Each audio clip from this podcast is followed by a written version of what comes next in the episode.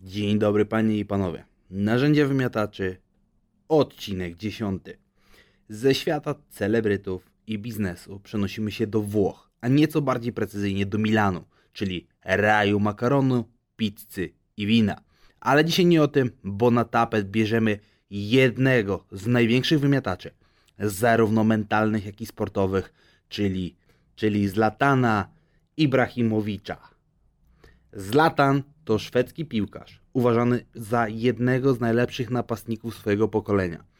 Zaczynał swoją karierę w klubach Malmo, a następnie grał w takich klubach jak Ajax Amsterdam, Juventus, Inter Mediolan, FC Barcelona, AC Milan, Paris Saint-Germain i Manchester United czy Los Angeles Galaxy. Ibrahimowicz rozpoczął swoją karierę w klubie Malmo FF, gdzie zadebiutował w 1999 roku jako 17-latek. W 2001 roku przeniósł się do klubu Ajax Amsterdam, gdzie spędził 3 sezony i zdobył dwa tytuły mistrza Holandii.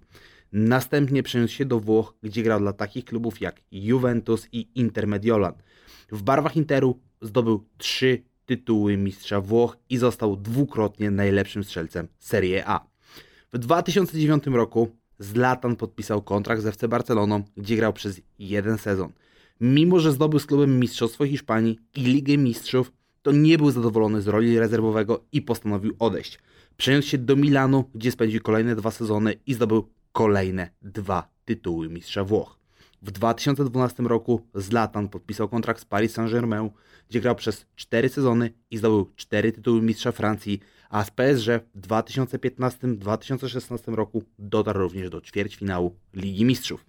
W 2016 roku Ibra podpisał kontrakt z Manchesterem United, gdzie grał przez jeden sezon i w barwach United zdobył Puchar Ligi Angielskiej oraz Puchar Anglii.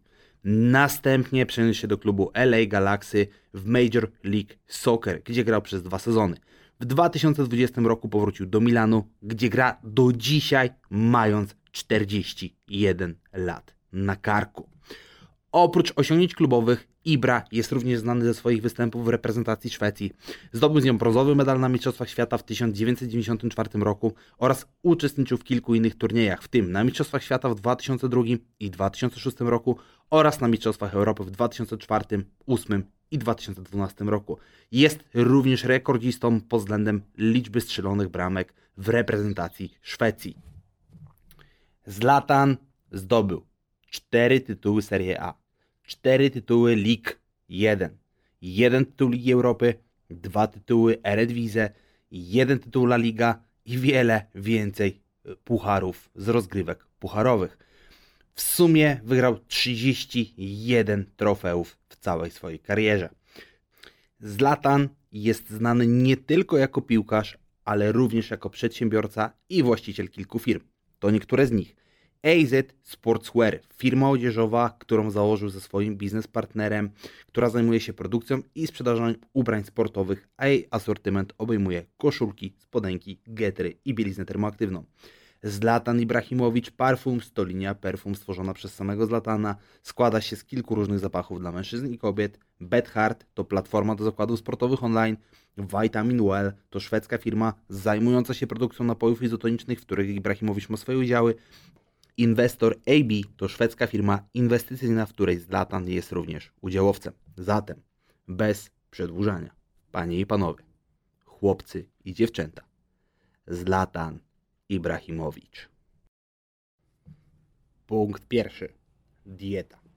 Standardowo, zanim zaczniemy, zrobimy sobie szybkie przypomnienie tego, jakim rodzajem wysiłku fizycznego jest piłka nożna, tak, żebyśmy mogli lepiej zrozumieć poszczególne wybory żywieniowe czy treningowe z latana. Piłka nożna to dyscyplina sportowa charakteryzująca się intensywnym wysiłkiem, po którym następują okresy aktywnej regeneracji lub biernego odpoczynku. W okresie przygotowawczym piłkarze wykonują tygodniowy mikrocykl 8 do 10 jednostek treningowych. Okres rywalizacji charakteryzuje się największą intensywnością wysiłków, które jeszcze bardziej zwiększają wydatek energetyczny piłkarza. Z kolei wysiłek meczowy charakteryzuje się zmiennym tempem, podczas którego zawodnik biegnie truchtem, sprintem oraz dynamicznie zmienia kierunek biegu, wykonując około 726 różnych akcji, ruchów oraz zwrotów. Liczba meczów w sezonie na poziomie elitarnym dochodzi do 60, a zawodnicy w każdym z nich przebiegają około 9 do 12 km. Odległość ta zależy głównie od pozycji zawodnika na boisku oraz stylu jego gry. Warto również zauważyć, że wydatek energetyczny podczas meczu jest zależny od pozycji zawodnika, a zapotrzebowanie na energię i składniki odżywcze musi być zindywidualizowane i to będzie bardzo istotne w kontekście Zlatana pod pozycję, charakterystykę zawodnika, część sezonu, plan gry oraz cele danego zawodnika, cele zespołu. Oto średnie statystyki z Latana z kilku ostatnich lat.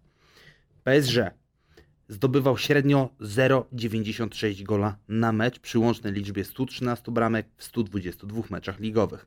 Manchester United 0,51 gola przy łącznej liczbie 17 bramek w 28 meczach ligowych. LA Galaxy 0,84 gola na mecz. W 2020 roku Zlatan został uznany za drugiego najszybszego zawodnika w meczu AC Milan z Cagliari, osiągając prędkość nieco poniżej 22 mil na godzinę. W 2020 roku, kiedy Zlatan miał 38 lat, został uznany za drugiego najszybszego zawodnika. To naprawdę mówi dużo. Ibra przebiega średnio 8,7 km na mecz. Są to dane z 2020 roku. I jest to wynik, który realnie może być porównywalny z wynikiem CR7, który przebiega średnio 9 km na mecz. Charakterystyczną cechą gry Zlatana jest jego zdolność do utrzymywania piłki przy sobie i wykorzystywania swojej siły oraz techniki, aby stworzyć sytuacje bramkowe dla siebie czy swoich partnerów z drużyny. Ibra często gra w roli napastnika lub ofensywnego pomocnika i jest znany ze swojej umiejętności strzelania bramek z wszelakich pozycji i sytuacji. Możemy sobie przypomnieć bramkę z 40 metrów lub bramkę kołowrotkiem na, e, na pustą bramkę w jednym z meczów reprezentacji, bodajże to była Szwecja lub Szwecja-Anglia. Więc tak, Zlatan potrafi strzelać praktycznie z każdego miejsca na boisku. Co więcej, jego styl charakteryzuje się kreatywnością, odwagą i agresją. To jest bardzo istotne. Ibra potrafi wykorzystywać swoją wysokość i siłę, aby wygrywać pojedynki w powietrzu i utrzymywać pozycję w polu karnym. Jednocześnie posiada on świetne umiejętności techniczne, co pozwala mu na kontrolowanie piłki w trudnych sytuacjach i operowanie nią w sposób kreatywny. Styl gry z Latana można określić jako fizyczny, ponieważ korzysta on ze swojej siły fizycznej, by wygrywać pojedynki z przeciwnikami i utrzymywać się przy piłce. To będzie istotne z perspektywy e, samego rodzaju treningu i tego, co robi i czego nie robi Ibra. Z uwagi na swój wysoki wzrost jest on w stanie wygrywać wiele pojedynków w powietrzu i utrzymywać pozycję w polu karnym. Zlatan ma obecnie 41 lat i nadal gra na wysokim poziomie w Serie A, która uważana jest za jedną z najtrudniejszych lig piłkarskich na świecie. W Serie A rywalizują największe kluby piłkarskie we Włoszech, takie jak AC Milan, Inter Mediolan, Juventus czy AS Roma. I jak mówi szef kuchni z Latana, każde jedzenie mierzymy z ilością dokładną co do grama, tak aby ilość kalorii zgadzała się z tym, co jest wyliczone według precyzyjnego algorytmu, który liczy ile i co powinien jeść Zlatan. Tutaj pojawia się pytanie, z jakiego algorytmu korzystają? Czy korzystają ze wzorów na wliczanie zapotrzebowania? Czy Zlatan podawany jest badaniom na przykład na Dexaskanie, czy innymi technikami bioimpedancji, które pozwalają na wyliczenie dokładnego składu masy jego ciała, a następnie na podstawie tego wylicza się jego zapotrzebowanie kaloryczne? Ale co istotne, to jeden z niewielu wymiataczy, który praktycznie obok McGregora, jako sportowiec, nie mówię tutaj o Daniel White, skupia się na dokładnej podaży kalorycznej. Większość zawodników, przykład Ronaldo czy Lewy, skupiali się na jakości. Nie było zbyt dużo mowy na temat podaży kalorycznej. I Zlatan wielokrotnie wspominał o tym, że najlepiej czuje się w wadze 92-94 kg, a praca na dokładnych wyliczeniach kalorycznych jest niezbędna do utrzymania lub osiągnięcia pożądanej masy ciała. Zatem punkt pierwszy odpowiednia podaż kalorii. Idziemy dalej. Zlatan skupia się na eliminacji przetworzonych produktów żywieniowych oraz ogranicza węglowodany proste. Jak mówi jego szef kuchni, Zlatan surowo unika niezdrowej żywności, alkoholu, mrożonych lodów, włoskiego makaronu. To jest bardzo ciekawe, szczególnie, że mm, gra w lidze włoskiej. Ale w jego diecie znajduje się miejsce na jeden posiłek wolny w ciągu tygodnia i wybór najczęściej pada na pizzę, którą traktuje w formie nagrody za ciężko przepracowany tydzień treningowy bądź w formie nagrody za wygrany, przegrany czy zagrany mecz. Zatem punkt drugi, niskie, nisko przetworzone produkty i eliminacja cukrów prostych. To nas również prowadzi do punktu trzeciego, który jest tak naprawdę punktem, który pojawia się u każdego wymiatacza. Dbaj o odpowiednią podaż białka. Typowe potrawy, które spożywa zlatan to białe, czyli praktycznie chude mięso, breasola, czyli rodzaj włoskiej wędliny, która tradycyjnie produkowana jest z mięsa wołowego, ale czasami również z mięsa jelenia czy dzika, co jest istotne, bo zlatan również jest myśliwy. I mięso na breasola jest suszone i solone, co nadaje mu intensywny smak i długotrwałą trwałość. Długotrwałą trwałość. Breasola jest bardzo chuda, ponieważ usuwa się z niej większość tłuszczu, zawiera dużo białka, witamin z grupy B i inne składniki mineralne, takie jak żelazo czy cynk. Co więcej, breasola jest niskokaloryczna, ponieważ zawiera mało tłuszczu, no i praktycznie nie ma węglowodanów, więc mamy tak naprawdę wysokobiałkową, chudą przekąskę. Dalej, świeże warzywa, mm, które stanowią podstawę jego diety, o tym powiemy sobie dalej. E, wracając do, do samego białka, mamy produkty, które zawierają sporą ilość białka i jednocześnie niewiele tłuszczów. I tutaj znowu mamy podobieństwo do innych wymiataczy, bo praktycznie każdy z nich, o którym mówiliśmy do tej pory, patrzy priorytetowo na wysoki udział białka w swojej diecie. W tym wypadku chyba tylko Dana White był e, jedyną osobą, która realnie bardziej skupiała się na, na tym elemencie diety ketogenicznej niż na wysokiej podaży białka. Co więcej, Zlatan często zaznacza, że unika nadmiernej podaży węglowodanów i tłuszczów, ponieważ zależy mu na utrzymaniu wagi na poziomie 92-94 kg. No i to nas, to nas poniekąd prowadzi do punktu czwartego. Zlatan nie przesadza ani z węglami oraz z tłuszczami. To jest bardzo ciekawe, bo tak naprawdę te dwa makroskładniki są głównym rodzajem paliwa, które, z którego korzysta nasz organizm w trakcie wysiłku fizycznego.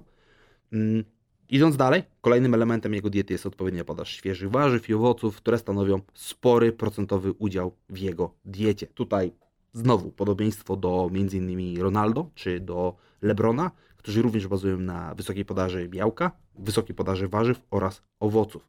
I co ciekawe, swojego czasu miał poważny konflikt z dietetykami PSG, ponieważ nie dbali oni o odpowiednią ilość świeżych owoców i warzyw w szatni klubowej, ani kuchni klubowej, E, co spowodowało, że mm, Zlatan był bardzo, bardzo z tego powodu niezadowolony. Warto zwrócić uwagę na to, że warzywa to odpowiednia sytość oraz praca jelit, ponieważ zawarty w nich błonnik dba o zdrowie naszych kolokwialnych flaków i jednocześnie buduje odpowiednią sytość posiłków, co może być pomocne przy niskiej dostępności energii, na przykład przy pracy w deficycie kalorycznym. Idąc dalej, punkt piąty. Dbaj o jakościowe węglowodany. Zlatan ogranicza węglowodany proste. Głównym źródłem tego paliwa w jego diecie są węglowodany złożone oraz owoce. E, warto zwrócić uwagę, że fruktoza pomaga w uzupełnieniu glikogenu wątrobowego oraz przyspie przyspiesza rekuperację glikogenu mięśniowego. Badania sugerują, że połączenie fruktozy i glukozy jest skuteczniejsze w uzupełnianiu zapasów glikogenu niż samo uzyskiwanie glikogenu z podaży glukozy. Po spożyciu glukozy jest ona szybko wchłaniana i wykorzystywana przez, nas, przez nasz organizm do uzupełniania zapasów glikogenu w wątrobie i mięśniach, jednak zdolność naszego organizmu do wchłaniania glukozy jest ograniczona liczbą transporterów glukozy w ścianie lita. Oznacza to, że spożywanie dużych ilości glukozy może prowadzić do zaburzeń żołądkowo-jelitowych, no, które raczej z perspektywy bycia zawodowym piłkarzem są niemile widziane, czy to w trakcie meczu, czy pomoczowo, jeżeli chodzi o rekuperację glikogenu mięśniowego. Z drugiej strony, fruktoza jest wchłaniana inną drogą niż glukoza i nie konkuruje o te same transportery w ścianie jelita. Co oznacza, że spożywanie fruktozy wraz z glukozą może zwiększyć całkowitą ilość węglowodanów wchłanianych przez organizm i wykorzystywanych do syntezy glikogenu bez powodowania wspomnianych wcześniej zaburzeń żołądkowo-jelitowych. Co więcej, sama fruktoza może stymulować aktywność enzymów biorących udział w syntezie glikogenu w wątrobie, co prowadzi do zwiększenia zdolności magazynowania glikogenu.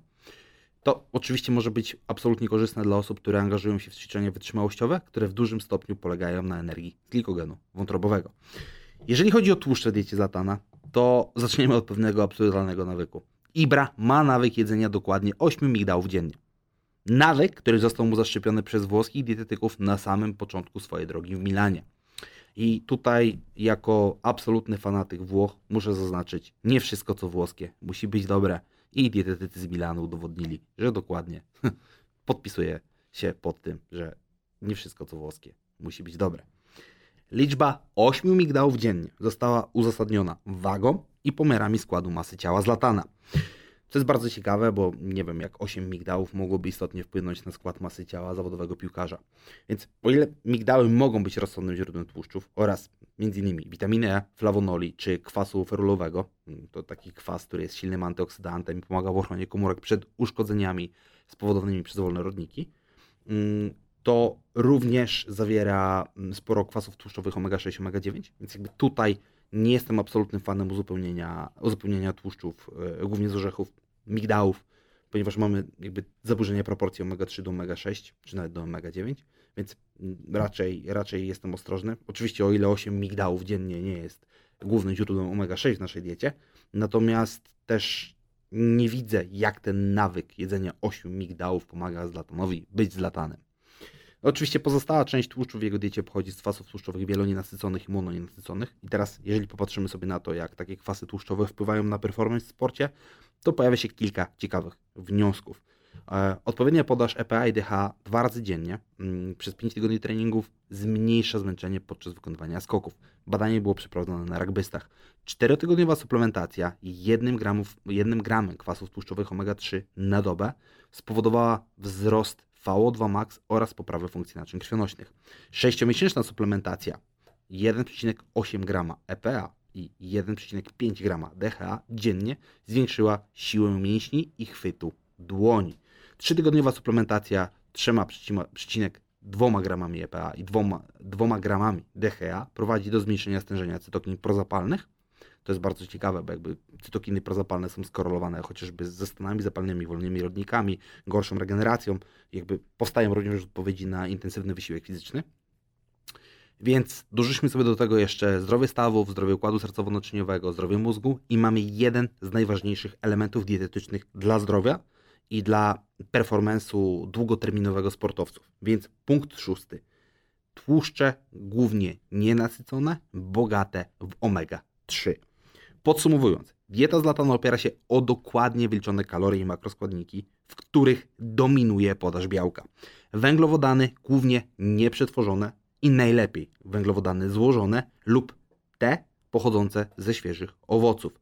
Ograniczenie produktów przetworzonych i cukrów prostych, bazowanie na świeżych warzywach oraz dbanie o kwasy tłuszczowe NNKT. To model żywieniowy, który pozwala zlatanowi na utrzymanie topowej formy sportowej, ale również utrzymanie niskiego procentu tkanki tłuszczowej w wieku 41 lat. Punkt drugi. Trening. I tutaj rozpoczynamy cytatem. Jestem szczęśliwy tylko kiedy się ruszam, więc bycie w dobrej kondycji przychodzi mi bardzo naturalnie. Nie umiem siedzieć. Kiedy byłem dzieckiem, prawdopodobnie ruszałem się za dużo. Przynajmniej tak mówią moi nauczyciele. To prawdopodobnie tłumaczy, dlaczego zostałem profesjonalnym piłkarzem. I na wstępie Zlatan jest pierwszym wymiataczem, który realnie unika dźwigania ciężarów.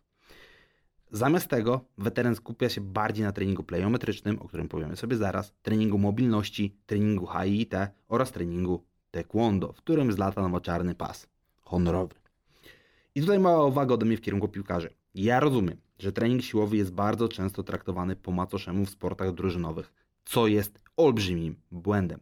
Po pierwsze, trening siłowy może poprawić ogólną siłę i moc mięśni, co może zwiększyć zdolność piłkarza, m.in. do szybszego biegania, mocniejszego ataku, wyższego skoku. Po drugie, trening siłowy może pomóc w zapobieganiu kontuzjom u piłkarzy. Silniejsze mięśnie i stawy mogą lepiej wytrzymywać fizyczne wymagania tego sportu, zmniejszając ryzyko urazów takich jak skręcenia, nadwyrężenia i złamania. Ryzyko kontuzji może zmalić nawet o 50%. Więc, drodzy piłkarze oraz wszyscy słuchacze, dźwigajcie, proszę, odpowiednio ciężko. Zaczynamy od HIT. HIT, czyli trening interwałowy, to jeden z najlepszych elementów, jakie możemy wdrożyć do sportów drużynowych. Ponieważ spora część pracy w takich sportach odbywa się w interwałach, gdzie mamy nagłe przyspieszenia i zmiany tempa gry, które następnie są przeplatane okresami spokojnej pracy. Dlatego dobrze przygotowany zawodnik musi być w stanie wytrzymywać długie okresy aktywności o niskiej lub umiarkowanej aktywności i wytrzymywać okresy wybuchowej intensyfikacji wysiłku fizycznego. Wdrożenie treningu HIT do swojej rutyny może wpłynąć na poprawę takich parametrów jak VO2 max, poprawa wydolności tlenowej, poprawa czasu trwania pracy do całkowitego zmęczenia. Innymi słowy, pracujesz dłużej, mocniej i wydolniej. Numer dwa w treningu z latana to plejometra. Plejometria. Trening plejometryczny to rodzaj treningu siłowego, który skupia się na wykonywaniu szybkich i mocnych skoków, odbić i innych dynamicznych ruchów, które angażują mięśnie nóg, pośladków, brzucha czy pleców. W treningu plejometrycznym stosuje się serię eksplozywnych ruchów, które polegają na szybkim rozciągnięciu mięśni, a następnie na ich gwałtownym skurczu, co zwiększa siłę mięśni i ich elastyczność. I teraz trening plejometryczny pozwoli zawodnikowi skrócić czas potrzebny mięsiom na zastosowanie maksymalnej siły potrzebnej do wykonania określonego ruchu krótszy czas przełoży się na większą moc przy każdym skurczu mięśnia. I jeżeli popatrzymy sobie na to, jak plejometria wpływa na parametry wysiłkowe mm, w sportach drużynowych, nie tylko w piłce nożnej, to widzimy indukcję wzrostu VO2 max, wzrost siły maksymalnej, prędkości sprintu, solidnego kopnięcia, poprawa wytrzymałości, zwinności, skoku pionowego i tutaj, co, to, co jest bardzo istotne w kontekście treningu, u mężczyzn i u kobiet w każdym wieku, zarówno u sportowców rekreacyjnych, jak i sportowców zawodowych. Dodatkowo usprawnienia obejmują wzmocnienie mięśni i ścięgien, co przekłada się na możliwość zredukowania ryzyka wystąpienia kontuzji. Więc plejometria jest bardzo sensownym treningiem w sportach drużynowych, ale również dla każdej osoby, która jakkolwiek dźwiga bądź trenuje cokolwiek innego. Kolejny element to oczywiście trening mobility. Mobilność to rodzaj treningu, który koncentruje się na poprawie zakresu ruchu w stawach i trening mięśni poprzez ćwiczenia z zakresu gimnastyki, jogi, tai chi czy pilatesu. No i tutaj, e, jak powiemy sobie dalej w rutynach, Zlatan absolutnie używa jogi. Zresztą razem bodajże z marką H&M stworzyli cały set ciuchów dla osób trenujących jogę.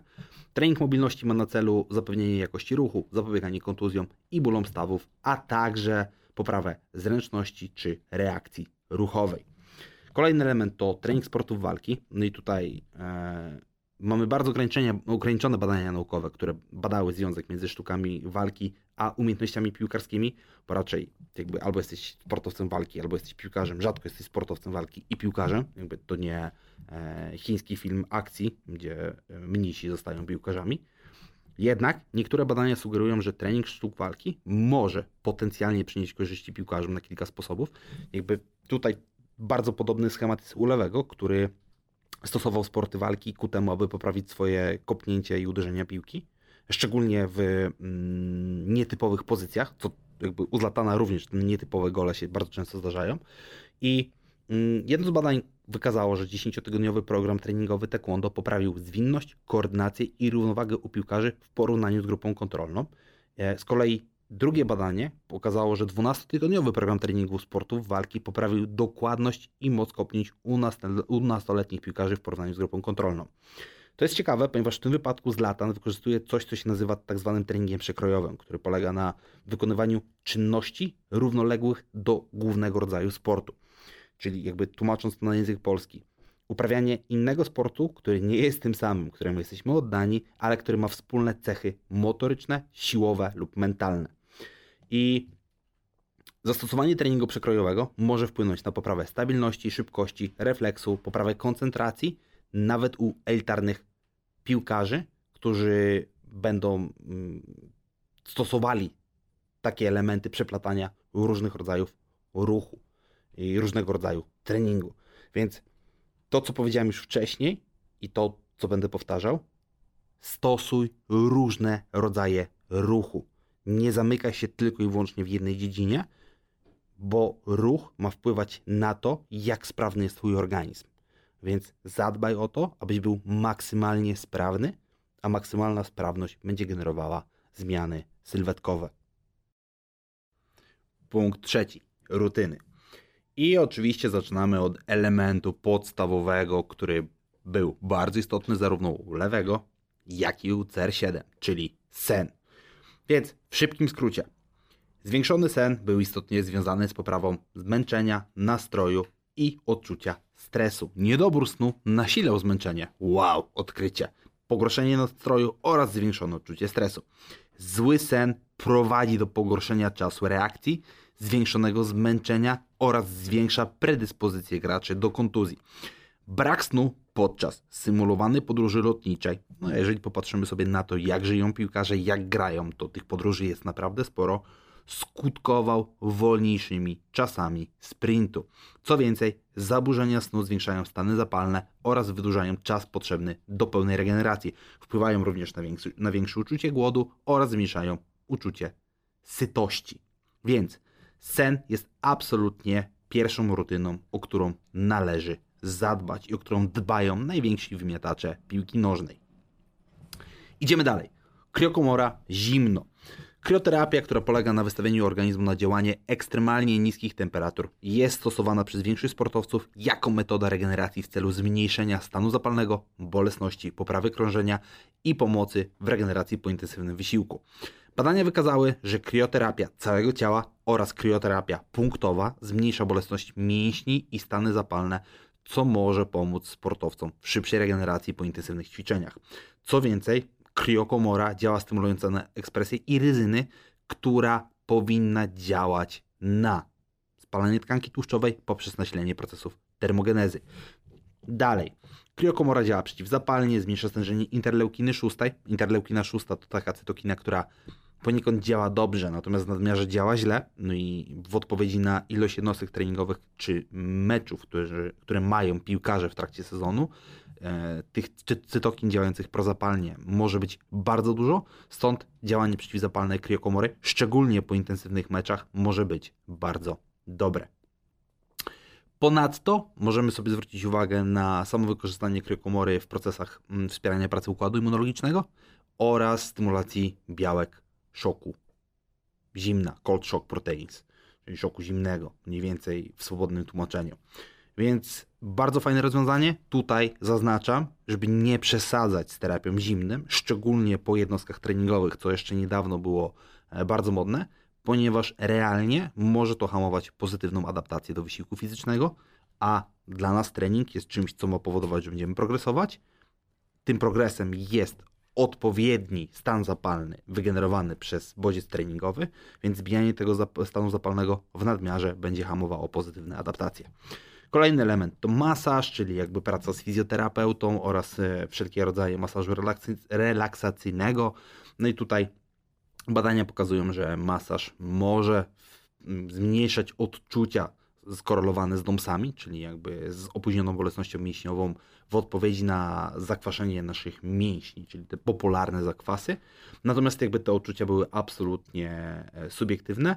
No i jakby dowody są umiarkowane na to, że masaż może być skuteczny w przyspieszeniu regeneracji e, mięśni. Tutaj jakby to też w kontekście nawet tego bardzo popularnego teragana, czyli jakby praca na punktach spustowych e, pistoletem do masażu I również pokazuje, że te dowody są umiarkowane i bardziej działa to w kontekście placebo bądź subiektywnej oceny e, przyspieszenia regeneracji. Więc należy na to zwrócić e, uwagę.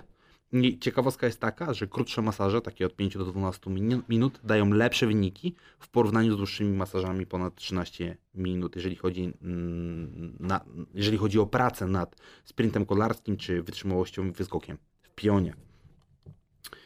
E, kolejna rutyna, którą stosuję z latan to bańki chińskie. No i tutaj jakby bańki chińskie, które również znane są jako bańki próżniowe, to metoda terapii manualnej, która ma na celu zwiększenie przepływu krwi i ukrwienia tkanek mięśni poprzez stosowanie próżni. Bardzo popularna metoda regeneracyjna stosowana przez sportowców, w tym lekkoatletów, kulturystów czy właśnie piłkarzy.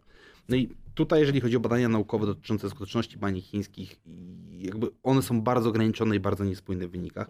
Oczywiście te, które są przeprowadzane przez e, metodologię chińską, pokazują, że bańki chińskie robią niesamowitą robotę w kontekście regeneracji mięśni po intensywnych treningach, e, czy zmniejszenie domsów, czy mm, hamowaniu uczucia zmęczenia. Natomiast Inne badania pokazują, że bańki chińskie absolutnie nie wpłynęły na poprawę regeneracji mięśni u sportowców. Więc jakby tutaj bardziej patrzymy na to z perspektywy placebo, bardziej patrzymy na to z perspektywy własnego odczucia. Ja indywidualnie korzystam, e, ja jako ja, indywidualnie korzystam z baniek chińskich w kontekście e, terapii powięziowej i rozluźnienia e, powięzi, więc robią dla mnie fajną robotę, nawet jeżeli to jest efekt placebo. Natomiast czy wrzuciłbym to jako podstawową rutynę regeneracyjną i bazę działań E, w kontekście regeneracji zawodowych sportowców? Raczej nie, ewentualnie jako e, okazjonalne wsparcie. E, kolejna rutyna, o której mówiliśmy sobie już wcześniej w kontekście treningu, czyli yoga. No i tutaj absolutnie jedna z lepszych rutyn, którą możemy sobie wrzucić, jeżeli chodzi o e, pracę nad naszym apartem ruchu. Badania pokazują, że praktykowanie jogi może zapewnić piłkarzom szereg korzyści, w tym lepszą elastyczność, równowagę, siłę, koncentrację psychiczną, mniejsze odczucie stresu, przyspieszoną regenerację e, potreningową. No i tutaj e, badania wykazały, że praktyka jogi poprawia elastyczność i równowagę u zawodowych piłkarzy, więc jakby to jest dosyć fajne. Inne badania pokazały, że może dojść do poprawy siły i mocy, która wynika z aktywacji głębokich mięśni i zwiększenia kontroli nerwowo-mięśniowej.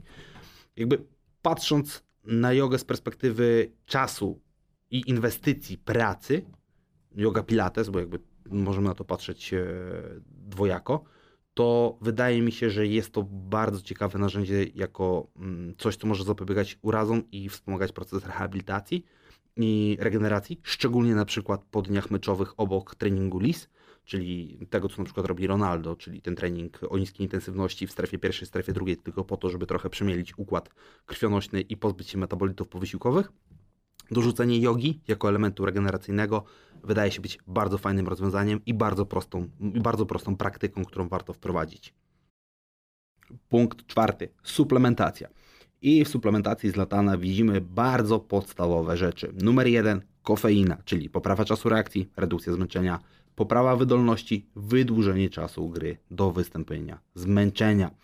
Numer dwa kreatyna. No i tutaj jakby również poprawa siły i masy mięśniowej, poprawa wydolności anaerobowej, e, przyspieszenie regeneracji. Mm, I tutaj również ciekawostka, ponieważ kreatyna może hamować sarkopenię, która będzie następowała w wypadku e, operacji, tak jak mieliśmy na przykład u zlatana rekonstrukcja ACL-a, to kreatyna może hamować spadek masy mięśniowej w nodze, która została unieruchomiona. Więc jakby jeden z bardzo podstawowych suplementów ergogenicznych, absolutnie must have w każdym rodzaju wysiłku fizycznego. Numer 3 mamy odżywkę białkową, no i jeżeli popatrzymy sobie na, na to, jak e, sama odżywka białkowa może wpływać na performance bądź parametry regeneracyjne sportowców, to mamy skrócenie czasu regeneracji mięśniowej, mm, lepsza, lepsze uzupełnienie i, lep, i szybsza rekuperacja glikogenu mięśniowego, czy poprawa siły i wytrzymałości mięśniowej. No i oczywiście jako element uzupełnienia białka perce w diecie jako głównego makroskładnika. Izotonik elektrolity, no tutaj jakby elementy podstawowe typu zmniejszenie ryzyka odwodnienia, poprawa wydolności fizycznej, poprawa koncentracji i funkcji mózgu, również poprawa regeneracji po treningu. E, izotoniki, które również zawierają w sobie węglowodany, bo to też jest istotne, czyli nie same elektrolity per se, ale również węglowodany.